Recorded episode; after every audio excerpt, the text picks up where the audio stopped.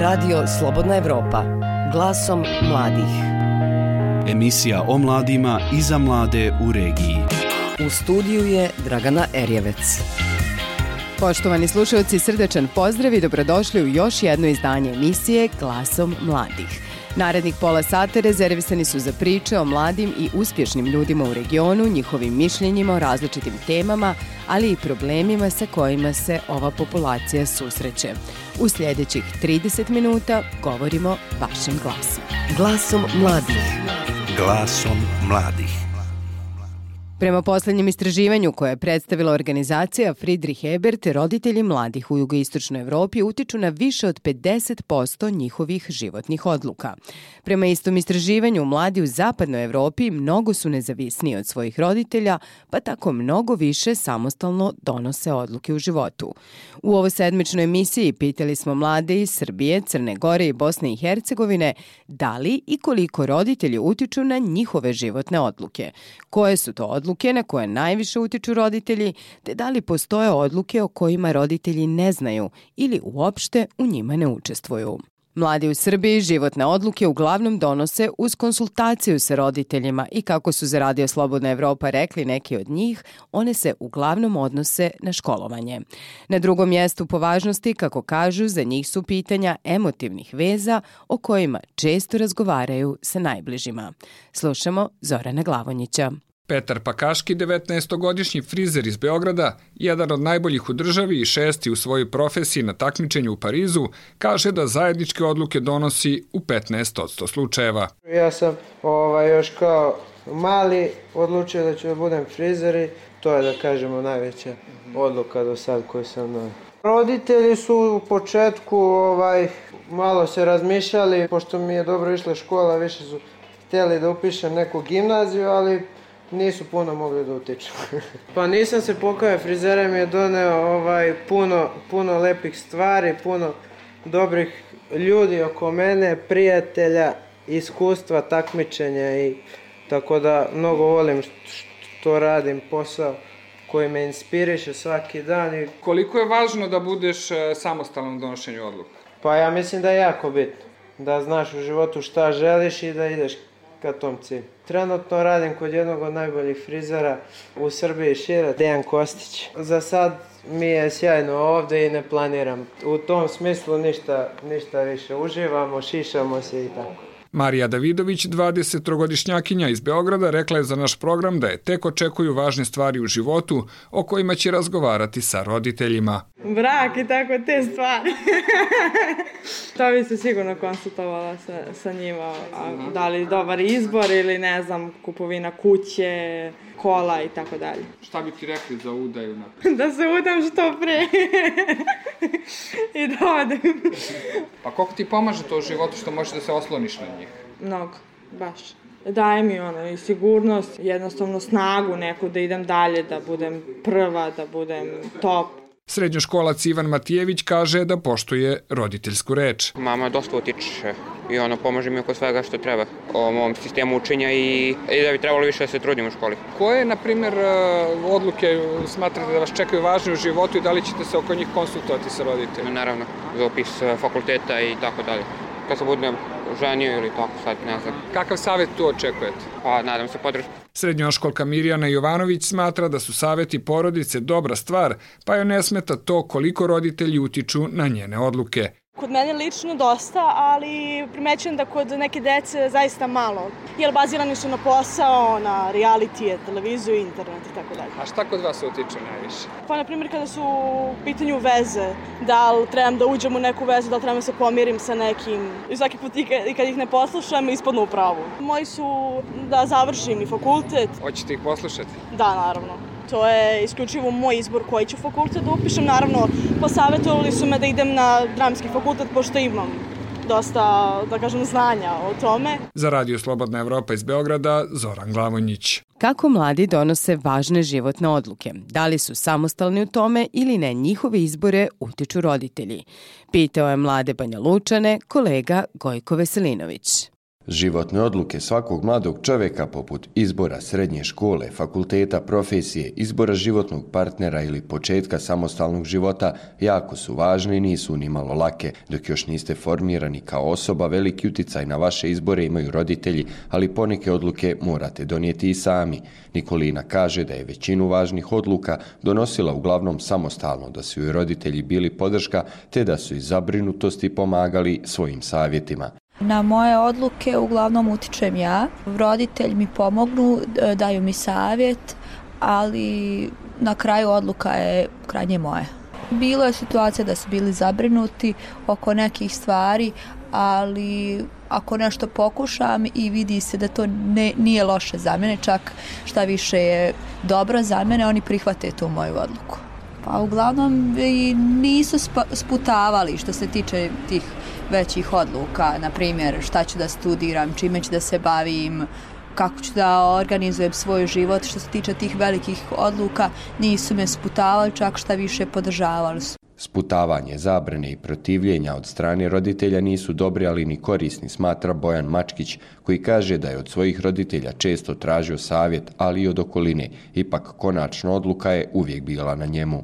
Kao uglavnom samostalno sam donosio odluke, kao na primjer biranje fakulteta i slično biranje srednje škole, uglavnom sam ja birao, ali sam poslušao savjete okoline i slično. Pa uglavnom podrška neka, ponašala se za, zaštitnički prema meni, da ne bi napravio neku grešku ili slično. Kristina kaže da su joj roditelji bili od velike pomoći u školi, ljubavi, ali i sportu. Roditelji su uticali po pitanju, na primjer, ocijena. Oni su mi stalno pomagali oko škole i po pitanju momaka uvijek su bili za mene tu. Trenirala sam kickbox, oni su me posticali da nastavim trenirati, ali sama sam odustala, nije mi se više sviđalo. Marinko Peran također smatra da roditelji ne treba da utiču na odluke svoje djece, ali da ih trebaju stimulisati, što je i kod njega bio slučaj. Ne utiču roditelji, sam sam ovaj, odlučio. Primjerce, jedina života odluka koja sam u ovom periodu jeste ovaj, moje studiranje. Sam sam donio tu odluku, tako da ne mislim da utiču roditelji. A da li su ranije uticali? Kada si ti počeo pa, da samo... Pa sigurno da su, me, da su me stimulirali za neke stvari, za srednju školu, tipa kad još uvijek nisam bio dovoljno zreo da, da odlučim nešto. U tom segmentu jesu. Uvijek, uvijek sam imao slobodnu odluku, ali ovaj, oni su me stimulirali za neke određene pozitivne stvari koje ja nisam mogao sam donijeti, na primjer. Za radio Slobodna Evropa iz Banja Luke, Gojko Veselinović. Odlazimo do Crne Gore gdje je Lela Šćepanović u razgovoru sa mladim Nikšićanima saznala koliko njihovi roditelji utiču na izbor fakulteta, zanimanja, traženja posla ili izbora životnog partnera. Roditelji crnogorskih studenta u velikoj mjeri utiču na njihove važne životne odluke, kažu sagovornici u anketi Radija Slobodna Evropa. Ana i Matea, studentkinje Filološkog fakulteta u Nikšiću, pričaju da mladi teško dolaze do posla kad završe fakultete, pa su prinuđeni da žive u roditeljskom domu i do 35. i da ih roditelji izdržavaju. Ana objašnjava. U najvećoj mjeri za brojne naše odluke utiču baš i zaslužni su naši roditelji. Jel mislite da to dobro ili loše? Pa mislim da u nekoj mjeri da je dobro. A Mateja kaže? Naravno, utiču na moji roditelji. U kojoj mjeri? Da li biste to mogli negde u procentima da izrazite? Od 100% 50%. Sve zavisi do toga kakvi roditelji su vam i kako vas odgajaju i vaspitavaju i Iako je Mirjana rođena sestra Matejna, ona ne dozvoljava da joj roditelji utiču na važne odluke.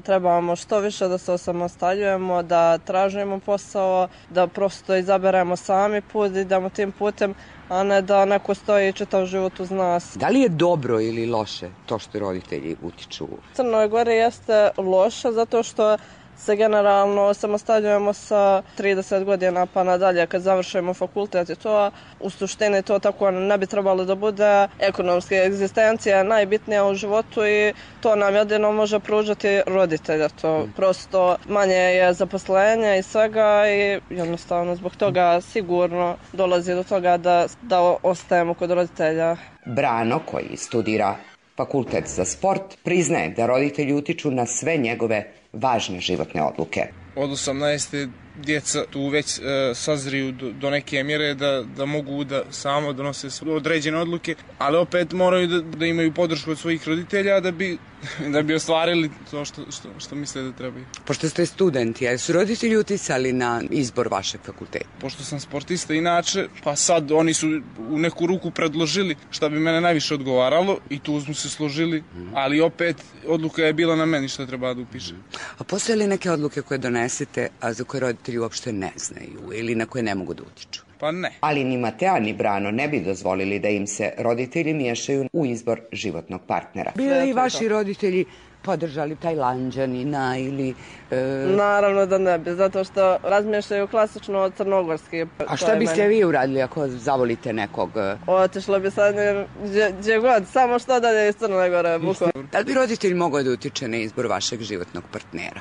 Ne, to, to ne bi trebalo da, da bude slučaj, jer smatram da roditelji nemaju nikakve veze s tim. Ana i Mirjana prepričavaju nedavni događaj iz Nikšića gdje su roditelji na vjenčanju svoje djece zbog srpskih i crnogorskih pjesama oko kojih su se porodice sukobile uticali da se dvoje tek vjenčanih mladih ljudi raziđu na sobstvenoj svadbi. Mirjana kaže. Meni je to malo presmiješ. Mlada je otišla zato što mislim da bi to svaka e, djevojka učinila na njenom mjestu iskreno. Ja isto bih jer ne trebamo da odvajamo ljude po vjeroispovijesti i po načinu razmišljanja. Mislim to me... A mislite li da su na tu njihovu odluku dominantno tad uticali roditelji, jesu. Da, na svadbama u Crnoj Gori uh, više se daje značaja pjesmama i običajima nego vjenčanju. Naravno da nije dobro. Iz Nikšića za Radio Slobodna Evropa, Lela Šćepanović. Glasom mladih. Glasom mladih. Emisiju Glasom mladih nastavljamo pričama o uspješnim mladim ljudima iz Bosne i Hercegovine.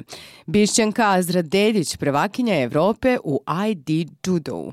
Članica judo kluba UNA zasjenila je izuzetnu konkurenciju na evropskom šampionatu u njemačkom Kelnu i došla do još jednog životnog podviga. Azra je prva zaposlena osoba u Bosni i Hercegovini sa Down sindromom. Priča Dženite Dureković. Popivši se na najvišu stepenicu pobjedničkog postolja u konkurenciji do 70 kg, Azra Dedić, mlada bišćanka, nadmažila je i bronzu sa svjetskog takmičenja prije dvije godine. Sretna sam što sam prvakinja, naravno. Drago mi je što sam predstavila svoju državu i svoju domovinu. Bilo je puno rada i truda i, i odricanja. Tako da je se pokazalo da sam prvak Evrope. Fikret Bečić, je jedan od azrenih trenera u judo klubu UNA. Ono što, što vodi nas sviju je to e, da je azrena medalja nije zlatna, ona je dijamantna, jer biti prvak Evrope u bilo kojem sportu, ovaj, a pogotovo u ovome u kojem je Azra, e, u tom ide judu, e, je ovaj velika stvar. Znači, ona je pokazala i dokazala ovaj, kako se sa ljubavlju i radom može doći do rezultata. No Azra nije samo vrhunska sportašica. Ona je završila srednju umjetničku školu i prva je zaposlena osoba sa Down sindromom. Sve ovo što danas ona jeste, zaposlena mlada žena, sportiskinja, ali umjetnica koja jasno zastupa svoje stavove i zna šta hoće, njena je zasluga, a mi smo bili samo tu da je podržavamo i usmjeravamo od njenog rođenja, kaže ponosni otac Husein. Mi nismo ponosni na Azru od samo ove zlatne medalje. Mi smo ponosni na Azru od samog njenog početka. Znači, od e, škole, od e, e, sporta, od rada, znači, u, u svemu. Znači, ona ne nosi samo ovu medalju. Azra ima još medalja i to su životne medalje koje je ona ovaj pokazala. Znači, da se može i, i da je maltene ono uspjela u, u svemu tome, u svom životu. No Azrin put do uspjeha bio bi puno lakši da su ona i njeni roditelji i treneri imali podršku nadležnih institucija. Azrine odlaske na takmičenja nekako je uvijek uspjeva obezbijediti sportski klub, no za pratnju koja joj je neophodna, roditelji, iako oboje nezaposleni, uvijek su se sami snalazili. Nadaju se zato da neće i ovaj put kao i ranije svi s ponosom nekoliko dana govoriti o Azrinom uspjehu, a nakon toga zaboraviti i na nju i podršku koju zaslužuje naša zlatna djevojka Saune. Ramzija Dedić, Azrina mama. Zbog toga sam često tužna što sistem i niko od institucija ne prepoznaje to i ne pobrine se da mi ne moramo razmišljati o tome. Tako da budem pomalo i tužna i razočarana, ali ipak ovaj, ne želim zasjeniti Azrinu, veličinu Azrine medalje i njenog uspjeha i nastojim je podržati u ovom trenutku i zajedno s njom dijeliti radost. Iako je ostvarila jedan od svojih snova, Azra kaže kako neće stati na ovoj medalji. E, nastavljaš dalje, šta možemo očekivati? E, biće još neki turnira i toga, biće i naravno i medalja. Za Radio Slobodna Evropa iz Bihaća, Džanita Duraković. Projektom Digitalna biblioteka Travničanka Kanita Beširević nedavno je pobjedila na takmičenju za poduzetničke ideje. Namjereo je među ostalim znanje učiniti dostupnijim učenicima, te ih upotrebom novih tehnologija još više približiti književnosti. Pripremila Marija Augustinović. Projektom digitalne biblioteke Travničanka Kanita Beširević učenicima želi omogućiti prijevode lektira koji često nedostaju u školskim bibliotekama. Kanita ističe da to podrazumijeva prijevod klasičnih dijela sa engleskog i francuskog jezika, te njihovo formatiranje i objavljivanje. Novo je to što će djeca imati kvalitetne sadržaje. Oni će imati šansu da iznajne nešto, čitaju i vrati. Znači, link će isteći nakon čitanja. Ovo im daje lijep način da objedine svoju ljubav za mobilne tehnologije sa nečim što je vezano za školu, za učenje i sl. Digitalna biblioteka proglašena je najboljim projektom na natjecanju poduzetničkih ideja u okviru pogona za poduzetničko novinarstvo. Time je Kanita za realizaciju svoje ideje osigurala financijsku podršku Digitala Press programa koji je uz ostalo namjenjen osnaživanju poduzetnika za uspostavljanje hrabrih, održivih i efikasnih poslovnih modela. U užem izvoru ih je kilo pet, u širem 20, a javilo se više od 40 ideja. A motivaciju za projekt digitalne biblioteke Kanita je u prvom redu stekla tokom dvogodišnjeg studija u inostranstvu, odnosno u Italiji, Norveškoj i Estoniji, gdje je boravila nakon što je diplomirala na ocijeku za komparativnu književnost i bibliotekarstvo na Filozofskom fakultetu u Sarajevu. To je dalo šira svatanja i slobodu. Da dalje učim, tražim rješenja. Naravno da je dalo i osnovu, znači iskustvo neko. Imala sam lijepu šansu da naučim, a sad imam šansu i da to realiziram i tam nekako ljudima na korištenje. Iako se nakon završenog studija u inostranstvu Kanita odlučila vratiti u Bosnu i Hercegovinu, u domovini se poput mnogih mladih suočilo sa svim nedostacima sistema koji se često opire inovacijama kreativnih mladih ljudi koji žele primijeniti stečeno znanje. Ipak, nakon angažmana u brojnim školskim, ali i jednoj gradskoj biblioteci, Kanita je danas stalno zaposlena u biblioteci u osnovnoj školi Travnik i tu, kako kaže, planira ostati i doprinijeti razvoju zajednice. Vjerujem da ljudski život zatim žrtve neki. Ako će ovo što pa sam se vratila biti od koristi. I kome ovdje onda ne žalim zaista. Za Radio Slobodna Evropa iz Travnika, Marija Augustinović. U novoj emisiji TV Liberty gledajte. Entitetska linija spojila Sarajevo istočno Sarajevo ne preko živih, već onih koji to nisu. Tradicija nekaka, svak hoće svoje u svoje zemlje. A zar nije sve naše? Jesmo god mi smo naše je to.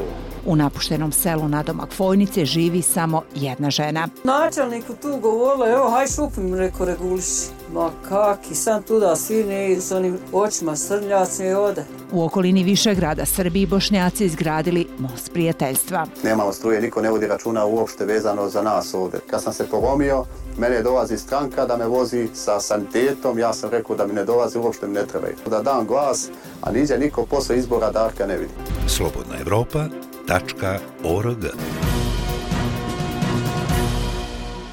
Mladi stručnjaci kojima fali radno iskustvo danas u inostranstvu dobijaju jasniju i bolju priliku za usavršavanje i sticanje novih znanja koje su im neophodne nakon studija, u čemu istovremeno griješe mnogi poslodavci u Bosni i Hercegovini.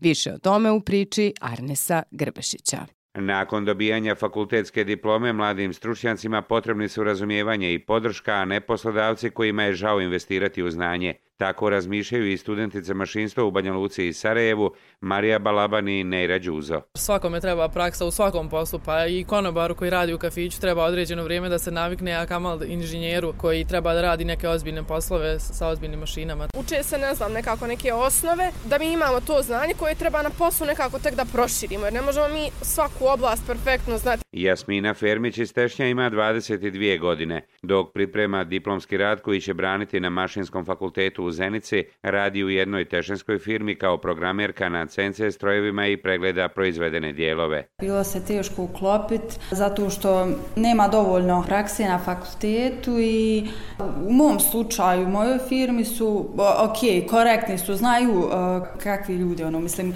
s kojim znanjem dolaze jel, da rade, a ono, razumni su, po, ovi kolege pomažu uvijek i sam šef, mislim, zna da nismo došli, jer sve znamo, mislim, došli smo učit se pa kasnije jel, napredovati. Studentica mašinstva u Banja Luci Marija Šavija. Ko hoće dobrog i kvalitetnog radnika i dobrog i kvalitetnog inženjera, moraju da i ulože u njega. Situacija u praksi često ne prati očekivanja mladih stručnjaka i njihovih budućih kolega, o čemu govore asistent na Mašinskom fakultetu u Sarajevu Adi Panđić i profesor na Mašinskom fakultetu u Banja Luci Bojan Knežević. Mislim da jako malo, ja već imam iskustva na neki, preko nekih hiljadu da kažem, ovih studenta što sam obučio iz oblasti ovoga 3D modeliranja. Ono što je najveći problem kod nas, kod firmi, kod većini firmi, čast izuzetcima, jeste što ljude tjeraju da, na primjer, za jedan vikend, za dva dana nauče to sve. Ono obično što rade, da kažem, gazde, jeste daj ti meni što prije ljude obući, da oni za dva dana to sve nauče. Mi ubjeđujemo, ne može tako, ali oni hoće. I to je najveći problem, jer ne daju ljudima da ga pusti malo s posla da nauči znanje.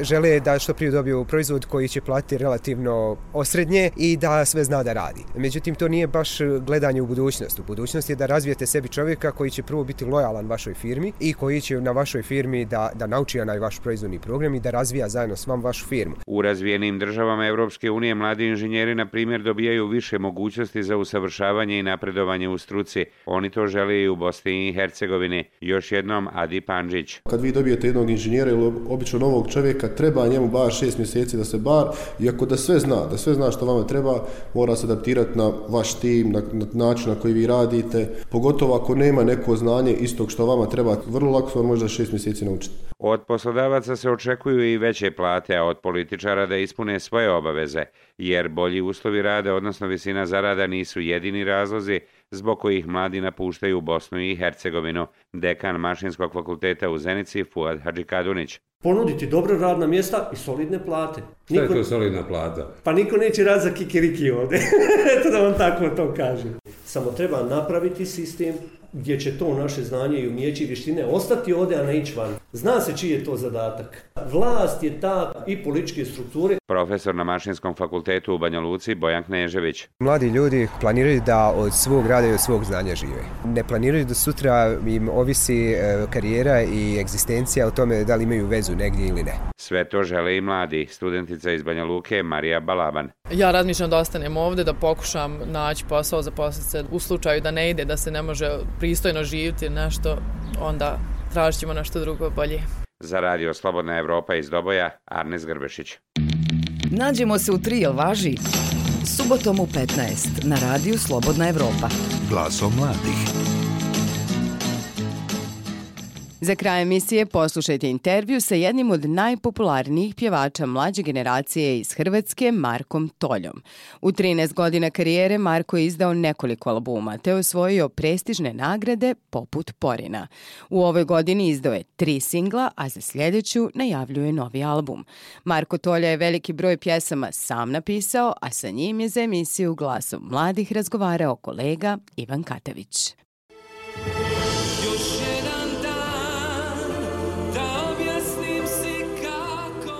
Još jedan dan naziv je novog singla Marka Tolje, koji se u eteru domaćih radijskih i televizijskih stanica zavrtio ovaj mjesec. Riječ je o baladi koju je Marko sam napisao. Još jedan dan je nova pesma, e, ovako dosta, malo bi ljudi rekli, turo, odnosno jedna e, žalostna ljubavna pjesma, on, nikako sam ja autor glazbe i teksta, ne odnosi se na mene, nego već na, na osobu meni blisku koja je prolazila jedan ovako malo teži prekid ja ne sam ja to prolazio s njom i je tako nastupa pesma. E, što se tiče prvih reakcija, pa ja sam zapravo jako zadovoljan. E, jako, jako teško i zahtjevno kad napišeš nešto iskreno i onda to prezentirati publici, onda očekuješ šta će reći, evo, sa svim svojim pjesmama nekako do sad su pjesme naše do, do, do publike neki svoj put, pa tako i ova. Sva blaga ovog svijeta ka topla ljeta No, 2019. godinu svakako će obilježiti i pjesma Sva blaga ovog svijeta, koju je Marko otpjevao sa Mijom Dimšić. Pjesma je oborila sve rekorde slušanosti, a za nju su dobili i nagradu na ovogodišnjem Splitskom festivalu. Sve što je spontano i iskreno onda i uspije, jer evo, stvarno smo, ovaj, Mija je mene pitala za taj duet, onako baš iskreno, jer je tražila nekog e, s kim bi snimila svoj prvi duet. Ja sam pristao na duet bez da sam pjesmu uopće čuo, jer smatram da je Mija nešto najbolje što se desilo na hrvatskoj pop sceni u zadnjih par godina, tako da sam znao da će to sigurno biti nešto dobro i evo onda kad sam čuo pjesmu, uh, znao sam da nisam pogriješio, ali stvarno evo nismo očekivali niti Mija niti ja da će to biti uh, toliko uspješna pjesma i dan danas. Prošle godine Marko je izdao kompilacijski album Tišina, a sljedeće godine najavljuje novi studijski diskografski uradak. Pa da, mi glazbenici uvek puno, jako puno lažemo kad su datumi u pitanju. Ja sam nekako pobornik e, onog e, starinskog načina rada, odnosno da se uh, skupe pjesme, da se napišu pjesme, da se onda to sve snimi, da se to onda prezentira kao nekakav cjeloviti album. Ovako kako se danas radi single po single, kako danas funkcionira industrija, Uh, nisam baš ljubitelj, zato sam zapravo i prošle godine napravio taj kompilacijski album gdje sam imao neke nove pjesme, nove singlove koje sam onda spojio sa nekim starima, pa da ajde, da, da ne nazovemo to album, nego neka kompilacija. A što se tiče novog albuma, pa evo, stvarno sad e, ima već dosta pjesama koje sam ja napisao, skupljam od drugih autora koje volim također neke pjesme, tako da e, sad do kraja godine je jako sve koncertno, aktivno i, i, i, i puno obaveza tih, tako da tu se neće baš puno snimati, ali početkom sljedeće godine nadam se da ću malo aktivnije početi snimati. A onda ne znam, evo, možda kroz sljedeću godinu bude album, ali toliko puta sam već slagao kad bi to moglo biti da možda bude da ne obećajem ništa. Marko je uglavnom popularan u Hrvatskoj, no želja mu je napraviti proboj na tržište drugih zemalja bivše Jugoslavije. Sad nakon zapravo već 13-14 godina profesionalne karijere mislim da je vrijeme da se malo ovaj uh, posvetim i, i, i ljudima van granica. Imao sam već neke nastupe i po Sloveniji i po, po Srbiji. Uh, ljeto sam evo ovaj, u Ljubuškom imao jedan sjajan koncert, tako da je to ovaj, isto za, onako, ja isto zapravo ne znam koliko me ljudi znaju ili ne znaju, ali onda se evo iznenadim da zapravo ovaj, van granica uh, ljudi slušaju, vidim i po, po komentarima na YouTube i na tim društvenim mrežama da stvarno ljudi sa svih strana slušaju glazbu, tako da morat ću malo i svoj menadžerski tim angažirati da se malo proširimo i na ove slučaj. Ti si bila moja prva ljubav U 13 godina karijere Marko je uspio osvojiti tri porina, među kojima je jedan od najprestižnijih, a to je porin za mušku vokalnu izvedbu. Puno mi to znači, zato jer to je struka koja, koja ti daje nekakav vjetar u leđa. Naravno, ono što uvijek mi govorimo da radimo ponajviše sve radi publike, ali godi kada, kada struka kaže da je to dobro i onda je zapravo najbolje kad se pomire te dvije strane, kada struka i publika to jednako vole, onda je to ona, ona prava stvar. Ali apsolutno cijenim Porin i, i svaka nominacija, ne samo svojim Porin, je već čast, tako da mi to puno znači. Za Radio Slobodna Evropa i Sarajeva, Ivan Katanić. Sva blaga ovog svijeta idu ka topla ljeta. Hvala. Bilo je to sve u ovo sedmičnoj emisiji Glasom mladih. Iz Sarajevskog studija pozdravljaju vas Enes Hranjičić i Dragana Erjevec.